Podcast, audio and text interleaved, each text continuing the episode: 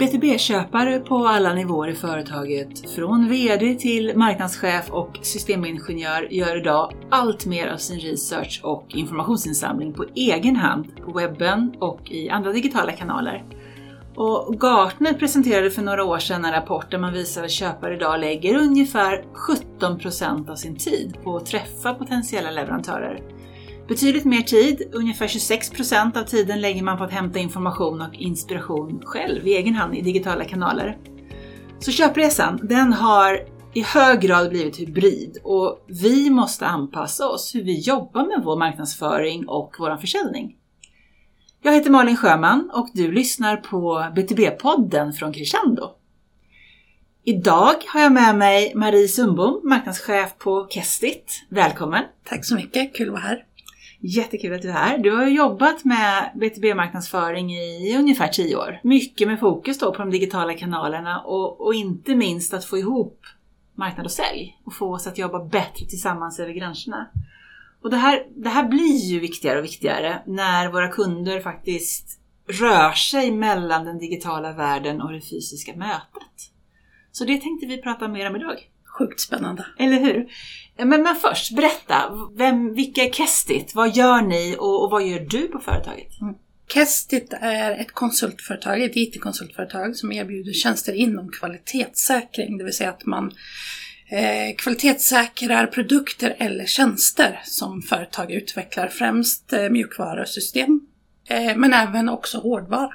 Hur många är ni i företaget? Vi är i Sverige idag cirka 120 stycken. Och sen så är vi ju, vi ingår ju i en global koncern. Mm. Eh, så vi finns över, jag ska inte säga bara Europa för det är inte det, vi har Egypten på ett hörn också. Mm. Eh, ungefär 950 mm. medarbetare över hela koncernen. Och vad gör du? Du är marknadsansvarig har vi sagt. Ja. Vad betyder det? Ja, det betyder, att, det betyder att jag eh, driver och ansvarar för marknadsföringen i Sverige. Men sitter också med i den globala, eh, det globala marknadsteamet i koncernen. Det låter som ett spännande uppdrag för alla oss som brinner för marknadsföring och business to business. Vi pratar ju ofta och gärna om hur det här köpbeteendet, hur B2B-köpares beteende har förändrat de sista åren. Med tio års historik i bagaget, ser du skillnader och vilka skillnader ser du nu från då, när du kom in på den här arenan? Men eh, det är ju jätteskillnader och du var ju inne på det i din, ditt intro här. Det vill säga att man gör sin egen research mm. eh, mycket mer idag. Alltså informationen finns ju tillgänglig för oss där ute i mycket större utsträckning eh, idag än vad det var för tio år sedan. Mm. Då, för tio år sedan, var det också säljaren som satt på all liksom, kunskap mm. och expertis kring tjänsten eller produkten. Och även, även kring kunderna. De blir ja. liksom informationsbärare både in och ur företaget. Exakt. Och då när det kommer till komplex försäljning som business to business ofta är, mm. då var man ju tvungen liksom att träffa säljaren. Mm. Och eh, där hen fick visa någon snygg powerpoint, gärna fullproppad med massa information. Mm. Eh, men idag så, så, vi har inte tid. Jag tror tiden är en väldigt stor faktor. Vi vill inte ödsla tid på att sitta i möten. Och äta wienerbröd och dricka kaffe med säljaren. Exakt! Mm. Innan vi vet vad vi faktiskt vill ha och mm. behöver. Så behovsanalysen har ju i stor grad flyttats till till mig som köpare skulle jag säga. Mm. Hur ser du, hur påverkar det hur vi behöver tänka som marknadsförare och som, och som säljare? Det är ju radikala förändringar i hur man vill köpa, så hur måste vi ändra hur vi vill marknadsföra och sälja? Framförallt så tror jag man måste skifta fokus från sälja till hjälpa. Alltså du måste vara den som tillhandahåller informationen så att köparen kan fatta bra beslut kring, kring ett köp. För gör inte du det så kommer någon annan göra det. Mm. Och det där, är väl, det där är väl en villfarelse som vi stöter på ibland, att nej, vi vill inte dela för mycket digitalt, vi vill hellre ha ett möte. Vi vill att våra säljare ska få träffa kunden. Mm. Men det som du är inne på, beslutet ligger ju inte hos oss som nej. säljande företag, utan det är den som letar som behöver få bestämma. Mm. Min uppfattning är att ju mer du kan ge, desto bättre är det. Och hur påverkar det säljarna då? Ja, de måste ju tänka om lite grann. Eh, just kring det där som du faktiskt är inne på. Eftersom man har gått från att vara den som sitter inne med all information och du måste ta ett möte för att du ska få ta del av det. Mm. Så måste ju mindsetet flyttas mm. till att faktiskt vara den som är eh, tankeledaren eller kunskapsdelaren. Mm. Från start liksom. Och från start är innan säljaren kommer dit också, eller hur? Det är, det är där vi måste jacka ihop ja. marknadsföringen och säljandet. Ja, exakt. Så är det. Vad, vad, skulle du säga då om, om vi då inser att vi behöver jobba bättre digitalt, för det är där många av köparna finns. Vad är grundstenarna för en bra digital B2B-dialog? Ja, alltså framförallt så tror jag att vi måste möta köparen där köparen är. Mm. Det finns inte en sanning. Vi rör oss eh, i många olika kanaler på många, många olika sätt. Eh, och vi vill också ta till oss information på olika sätt. Någon gillar video, någon gillar att läsa, någon gillar att lyssna till exempel. Och där ingår ju även de fysiska kanalerna. Så att vi pratar inte bara digitalt, mm. även fast det digitala har ökat. Där handlar det om att var befinner sig köparen? Hur mm. kan jag möta hen på rätt sätt? På ett bra sätt, mm. ett relevant sätt. Där hen faktiskt befinner sig. Det tycker, jag, det tycker jag är så spännande för att vi är ju ganska så här marknadsföringen som bransch är ju ganska trendkänslig. Vi vill komma på nya saker och, och testa nya grejer. Och jag kan känna att plötsligt så kan någon säga så här, nej vi behöver inte långt content, vi behöver bara kort.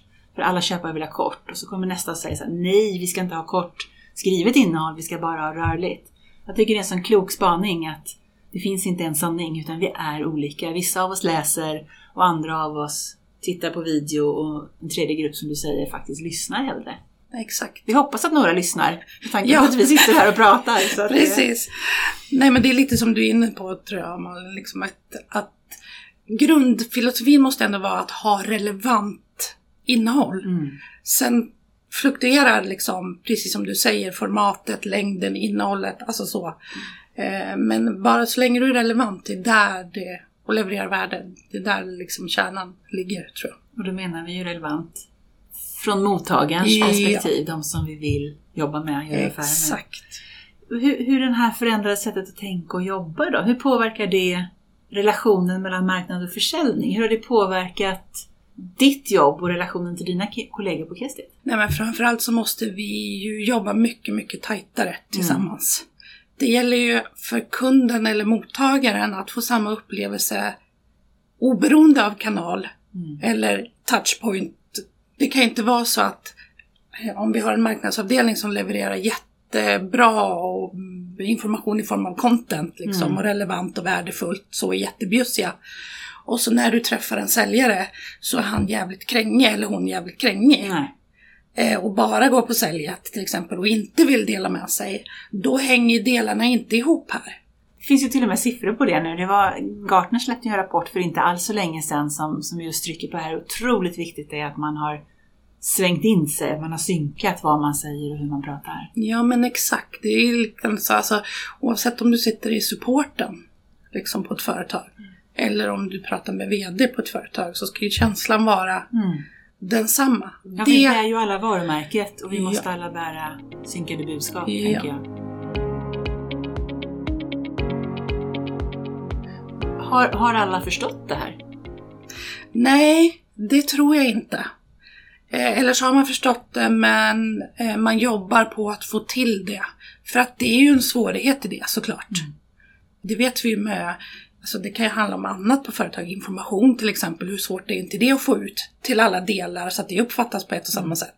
Eller kultur eller vad vi nu än pratar. Så det är klart att det finns en, en utmaning även när det kommer till sälj och marknadsarbetet, att få till det här i alla delar. Men därför är det ju så viktigt att vi har den dialogen, att vi faktiskt möts och träffas och ses i samma rum. Mm. Vi som jobbar med någon form av kundkontakt. Och jag tror, och, och, och, som du säger, vi träffas i samma rum, att vi tar det på allvar att vi är på en förändringsresa. Yeah. För att det händer att vi träffar organisationer där man säger så nej men vi, vi är jättebra vänner, marknad och sälj, vi gillar varandra, vi fikar. Och det här handlar ju om mer än att bara vara vänner. Det här handlar ju om att hitta nya sätt att samarbeta. Ja men verkligen. Det är väl jättebra att man är, vänner med varandra. Alltså, det, är under, grundförutsättningen lite. det underlättar ju såklart men det, till syvende och sist så är det ju faktiskt en verksamhet som vi ska driva här. Och då handlar det ju om den. Mm. Och hur vi kan, hur, hur vi kan utveckla den helt enkelt. För att komma framåt. Mm. Vad, du, du är inne på en utmaning här. Eh, Vilka fler utmaningar ser du? Antingen i ditt företag men också på bredden det här med just att, att, att eh, möta kunder och potentiella kunder digitalt. Mm. Alltså vi matas ju med information, eh, alltså överallt. Så att sticka ut ur bruset eller få köparens eller mottagarens attention, det är ju en jätteutmaning idag, skulle jag säga. Hur gör man det då? Jag tyckte jag frågade ja, dig här, precis. Precis. Dina Alltså det, erfarenheter, är jo det? men alltså vi jobbar ju ganska mycket med att, att tänka spridning. Alltså det Mm. gör väl de flesta hoppas jag liksom. Eh, men vi eh, lyfter också gärna fram våra medarbetare. Mm. För att kan vi sprida spridningen Ja. på flera personer. Dela upp jobbet. Ja, precis. Så blir det inte så stor grej utav det liksom. Mm. Och så försöker man lyfta dem och dra nytta av det och spinna vidare på det helt enkelt.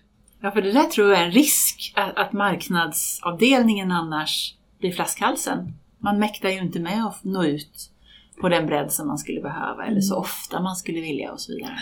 Jag brukar alltid känna, ja, jag brukar alltid säga att, att män, alltså, människor köper av människor eller personer köper av personer. Alltså, Mm. du som person kommer alltid vara mer intressant än företaget i sig. Mm. För det är personerna man puttar in i företaget, det är det som gör det till företaget. Exakt. Inte produkten eller tjänsten. Utan det är hur du... Allting handlar om relationer. Och jag, och jag tänker att nu, nu är ni i mångt och mycket konsultföretag, så där köper du ju verkligen människorna. Men jag tror att det är relevant även för produktföretag. Det är väldigt sällan business to business du köper in bara en produkt. Utan du köper ju ofta in en produkt och ett servicepaket eller så köper du in en produkt och en produktstrategi som ska utvecklas över tid. Det är så lätt att glömma det där att det, vi, som är i företaget är företaget. Ja men så är det ju. Vi har ju ganska... Alltså, det finns ju bra exempel på det. De är ju stora idag såklart. Liksom, men titta på Bianca Ingrosso till exempel. Som säljer produkter. Mm. Eh, eller Elon Musk. Mm. Alltså, ja det är en annan division. Men det- det är trots allt vi fascineras utav personen bakom. Eller Steve Jobs eller vem som helst Mm. liksom. Eh, så det tror jag är jätteviktigt. Man får inte glömma det. Nej. Och vilka är era viktigaste talespersoner? Vilka, vilka, vilka är Bianca och Elon på Kestit? Alltså det är lite, alltså för min del så är det alla våra medarbetare. Mm. Även, alltså när jag, när jag säger medarbetare Mm. så är det konsulter likväl som VD. Alla är medarbetare på ett företag. Så att ah, vi alla tillsammans är lika viktiga. Eh, sen finns det ju de som tycker att det är mer eller mindre jobbigt. Mm. Eh, eller mer, eller roligt liksom att synas och höras. Och det kan också vara på olika sätt. Någon kanske är bra på det här, på att prata inför folk. Mm. Någon kanske är bra på att spela in videos och så vidare. Så det, det gäller att hämta upp det. Liksom lyfta det och försöka vara lite lyhörd. Och vet du vad jag tror? På samma sätt som mottagare, vissa mottagare läser och andra lyssnar, så tror jag att det finns, mottagarna är också olika. Exakt. Så vissa vill helst lyssna till din berättelse och vissa vill helst lyssna till någon som kanske är ja, men lite mer ingenjörsmässig och lite fyrkantig och någon kanske hellre lyssnar till eran VD. Så jag tror att det är viktigt är det. i det perspektivet också. Ja, Att alla kan känna igen sig. verkligen. Du, vi träffar på företag där, där eh, både marknad och sälj kanske ligger längre fram än ledningen. Att det Ja. kan finnas en skeptisk VD till exempel eller andra i ledningsgruppen som tycker att eh, Nej, men det här känns ju lite stelt att hänga på LinkedIn eller de sociala kanaler man Mm. har valt. Vad, funkar det? Går det? Det att göra en revolution underifrån? Eller? Jag tror det. Men du behöver nog ha någon med dig. Mm. Det behöver oftast, det, det behöver inte vara ledning eller VD, alltså VD så. Mm. Men någon, som, någon säljare kanske eller någon med, annan medarbetare Mm. som tycker att det, är, det verkar vettigt och är intresserad av det eh, och tycker att det är en bra grej. Du behöver någon som tror på det i alla fall skulle Mm. jag säga. Och då menar du både engagemanget i sociala kanaler och det nya sättet att Ja. jobba egentligen. Ja, exakt. För jag tror att man behöver någonstans behöver man påvisa, alltså man behöver lyfta de goda exemplen. Mm. Alltså, nu har jag gjort det här. Se vad som hände Mm. då. Mm. För att ehm, man ska övertala skeptikern lite Mm. grann. Sen tycker ju vi som jobbar med sälj och marknadsföring, eller som ligger i framkant där, att det, det finns inget annat val. Du, Nej. du är född bakom en sten liksom på 1800-talet. Mm. Men förändring tar tid. Eh, och det måste vi ha med oss. Oavsett vad det är. Alltså jag tycker att jag pratar om saker och ting som jag pratade om för fem år sedan. Mm. Och det är samma sak när vi pratar på Kesti till exempel. När det handlar om kvalitetssäkring hos våra kunder. Så pratar vi om saker idag som vi, vi gjorde för tio år sedan. Mm. Så att det, det gäller, alltså jag tror att man inte ska ha för stora ambitioner, eller ambitioner kanske är fel uttryck, men försök att ta det Det stegvis. tar längre tid att driva den här typen av förändring. Ja. Jag satt och bläddrade i, i min eh, SharePoint och hittade en strategipresentation jag gjorde för åtta år sedan. Och insåg att flera av de slidesen använder jag fortfarande. ja. Så det var en sån här, och då, då är det nog inte bara för att jag har fastnat i gamla mönster utan som du säger, vi behöver lyfta de här budskapen ja. om och om igen och få med oss fler på tåget. Vad skulle du säga, vad, vad är dina bästa knep för att få till en bra dialog med säljorganisationen i vardagen på Kestit? Hur, hur får du, så att det inte bara blir tjena tjena över fikat, vad Mm. gjorde du i helgen? Utan Mm. att man får till det här riktiga samarbetet. Mm. Alltså grejen är så att vi kanske har en, jag vet inte hur det ser ut, men vi har ju en organisationsstruktur idag på Kestit som gör att vi, eh, samma typ av människor, samma typ av roller, sitter i olika typer av möten Mm. veckovis. Så att det kan handla om säljmöten, det kan handla om ledningsgruppsmöten, Mm. det kan handla om operativa möten, eh, verksamhetsmöten. Men det är samma huvuden liksom, som figurerar i de olika mötena. Men tar lite olika roll då menar du? Eller man är Ja. med i olika diskussionssammanhang i alla fall? Precis. Men det gör att vi har en ganska tajt dialog och är ganska medvetna om vad som händer och sker Mm. på bolaget. Jag sitter till exempel med på alla våra säljmöten. Mm. Vi har marknadsmöten eh, med vissa av konsultcheferna eh, veckovis. Mm.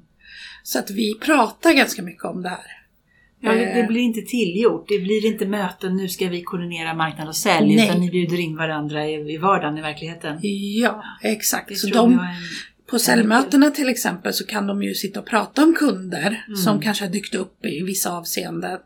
Och där jag har en viss typ av information från marknadshållet. Mm. Och där kan vi liksom stötta varandra och kliva in i varandras områden och se hur kan vi göra det här tillsammans. Ni jobbar ju med bra systemstöd och sådär från marknadssidan också, så Mm. du vet. Ja, Jag gissar att du många gånger vet minst lika mycket som sälj, fast du vet helt- helt andra saker om de här kontakterna. exakt.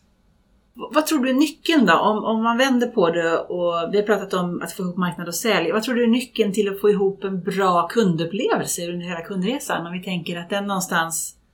Kundresor är ju allt annat än raka. Man lär sig mellan digitala kanaler och webbar och sociala medier och man träffar säljare och man går på mässor.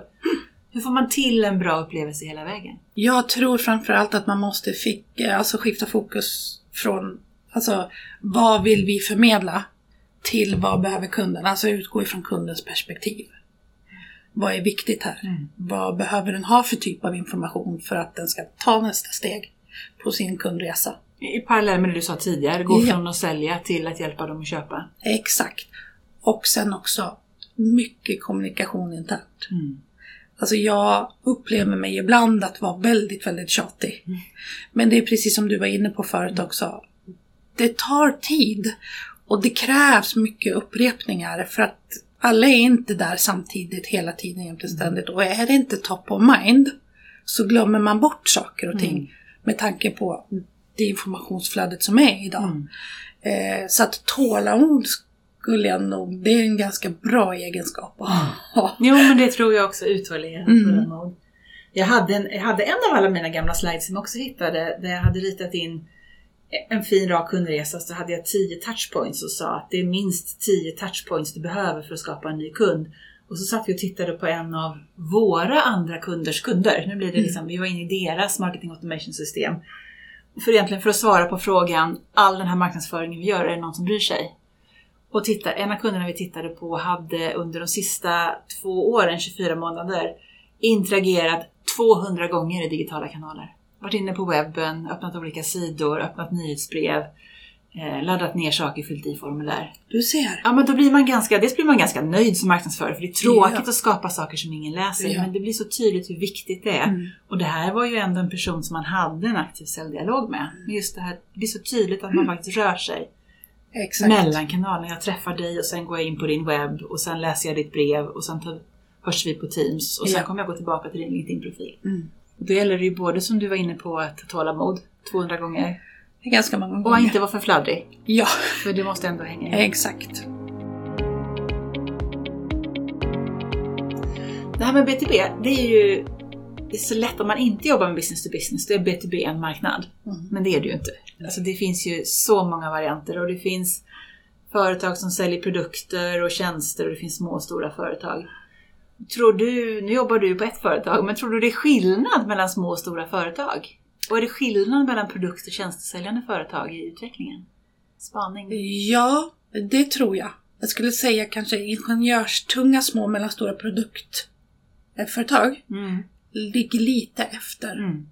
De behöver eh, snappa upp lite grann, eller steppa upp sitt game lite grann tror jag. eh, För att hänga med.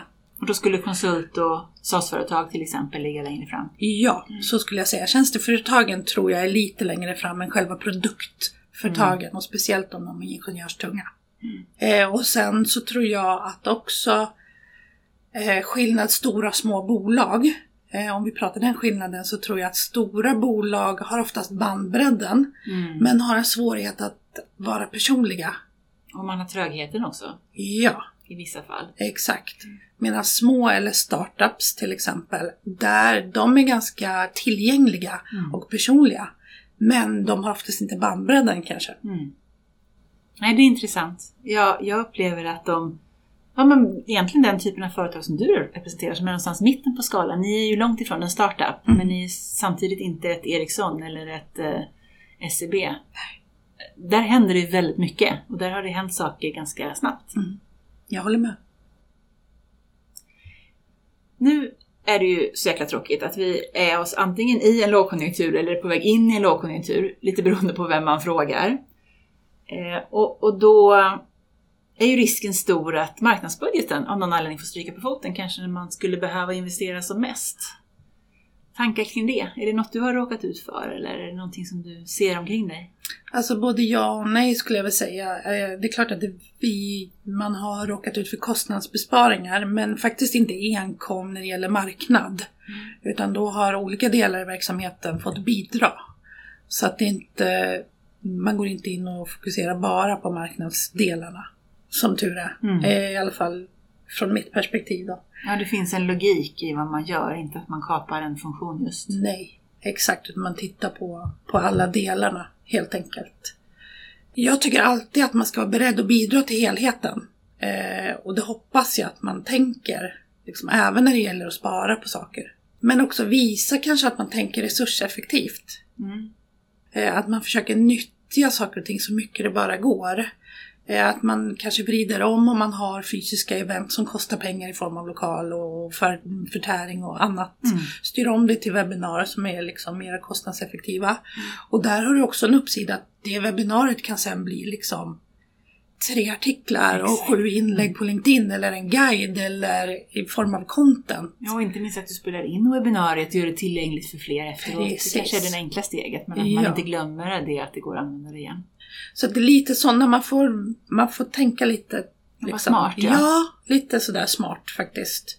Men kanske kan man skapa innehåll själv om man tar hjälp med det. Mm. Till exempel, nu finns det ju en, en ny AI-funktion som, som du kanske har hört talas om.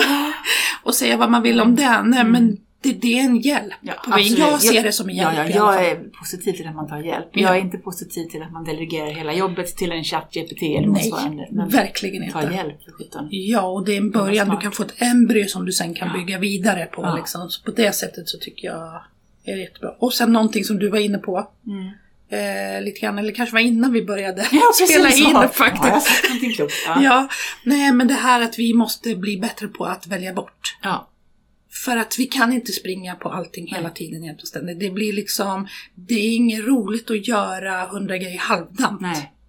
Nej, Det men blir det inget bra. Där är vi ju helt överens. Att Ja. det, några saker måste man få göra så pass bra så att man känner att man kan klappa sig själv på axeln och ja, men vara jäkligt stolt. Liksom. Precis. Så titta det på det som ger mest effekt skulle jag säga. Eh, och kanske ta bort andra för en viss tid. Mm. Nej, men och just det här som sagt att, att återvinna, återanvända. Det kan ju låta kontraproduktivt eftersom vi bland annat säljer mycket content. Men jag, jag tror ju ändå på att man behöver jobba smartare också. Du sa att du bidrar även i budgetnedskärningar. Är det så här du argumenterar för att behålla din budget också? Eller hur kan man, hur kan man förklara för sin, Ja men för dels, sin VD eller diskussioner med en säljavdelning Ja. att man behöver finnas kvar? precis. Nej, men dels det och sen också det, det som hela mm, avsnittet handlar om. Alltså om du tänker på marknadsdelen i ett företag. Mm. tar ju betydligt my- mycket mer utav, om man nu ska mm, använda ett klyschigt uttryck som säljtratt till exempel, eh, idag än vad man gjorde förr i tiden. Eh, om man jämför med sälj, jag menar, du har vänt på den kanske för 10-15 år sedan var 20% marknad, 80% sälj. Men det är, det är, och ändå är det ju fortfarande fler säljare i de flesta bolag än det är människor på marknadsavdelningen. Ja, och det är ju lite konstigt Ja. tycker jag. Men det är Eh, nog ganska ovan för många att tänka i de banorna. Men så det där är ju, det om något är ju en anledning till att inte dra ner på marknaden kan jag tycka. Vi träffar, jag träffar ibland, eh, om man träffar på en, en VD eller affärsområdeschef eller en säljchef, så kan de slänga ur sig så här, du vet vi har, vi har verkligen jätteduktiga säljare. Och det tror jag på. Men sen kommer nästa. Får vi bara till mötet, då grejar vi det. Och då kan jag känna så här, då har man lite missat så här, får vi bara till mötet? Det är mer än halva jobbet nu. Det är ju Verkligen! skitbra att ni är grymma i säljmötet, Ja. men den stora delen av jobbet är ju att Ja, den men- stora delen, ja, tidsmässigt den stora delen är ju att få till mötet. Ja men är Sen det någon som svarar på mejl och telefoner för tiden? Inte i lika hög grad som förut i alla fall. Nej, det är ju just det. Så det är mycket som händer. Ja. Stora förändringar, skitspännande, Ja. ibland jäkligt frustrerande att sitta mitt i det här. Och Ja. om man ska sy ihop då, om, om du skulle ge dina tre bästa råd till andra tjänstesäljande B2B-företag, Mm. kanske en något mer junior marknadschef som inte har den grunden och den erfarenheten du har. Mm. Gör inte allting Mm. överallt hela tiden. Utan eh, prioritera. Vad är det vi ska, vad är mest värdefullt för oss? Vilket kommer ge mest effekt för oss? Om vi gör eh, i dagsläget. Eh, och sen så skulle jag göra en ordentlig research på det.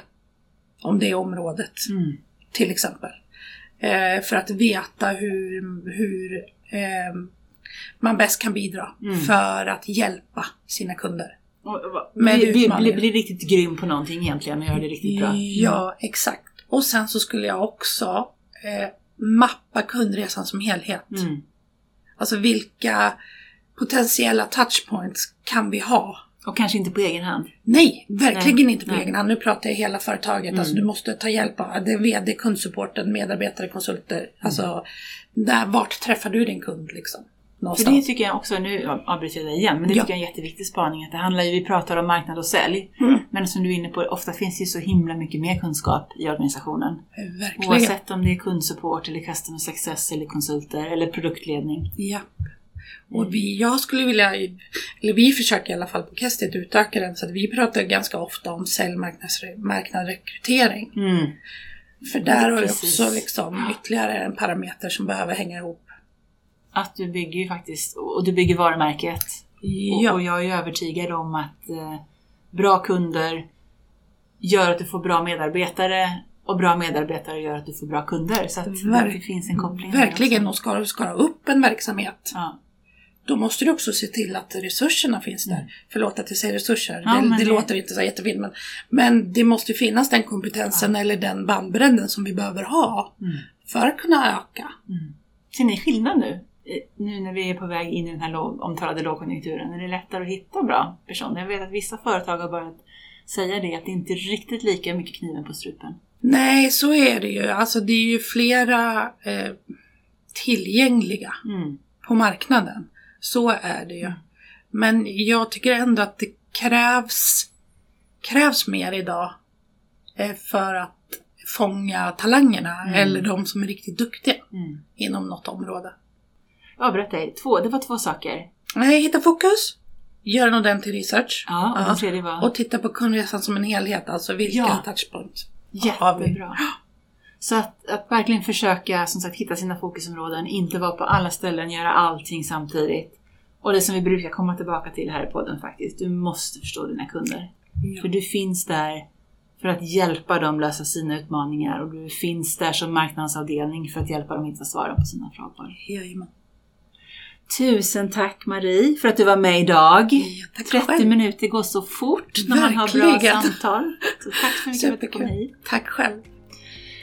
Och du som lyssnar, tack för att du lyssnade. Du har då lyssnat på ännu ett avsnitt av BTB-podden från Crescendo. Du hittar fler avsnitt och mer inspiration för din BTB-marknadsföring och affärsutveckling på crescendo.se. Du får gärna prenumerera på podden och glöm inte att följa Crescendo på LinkedIn.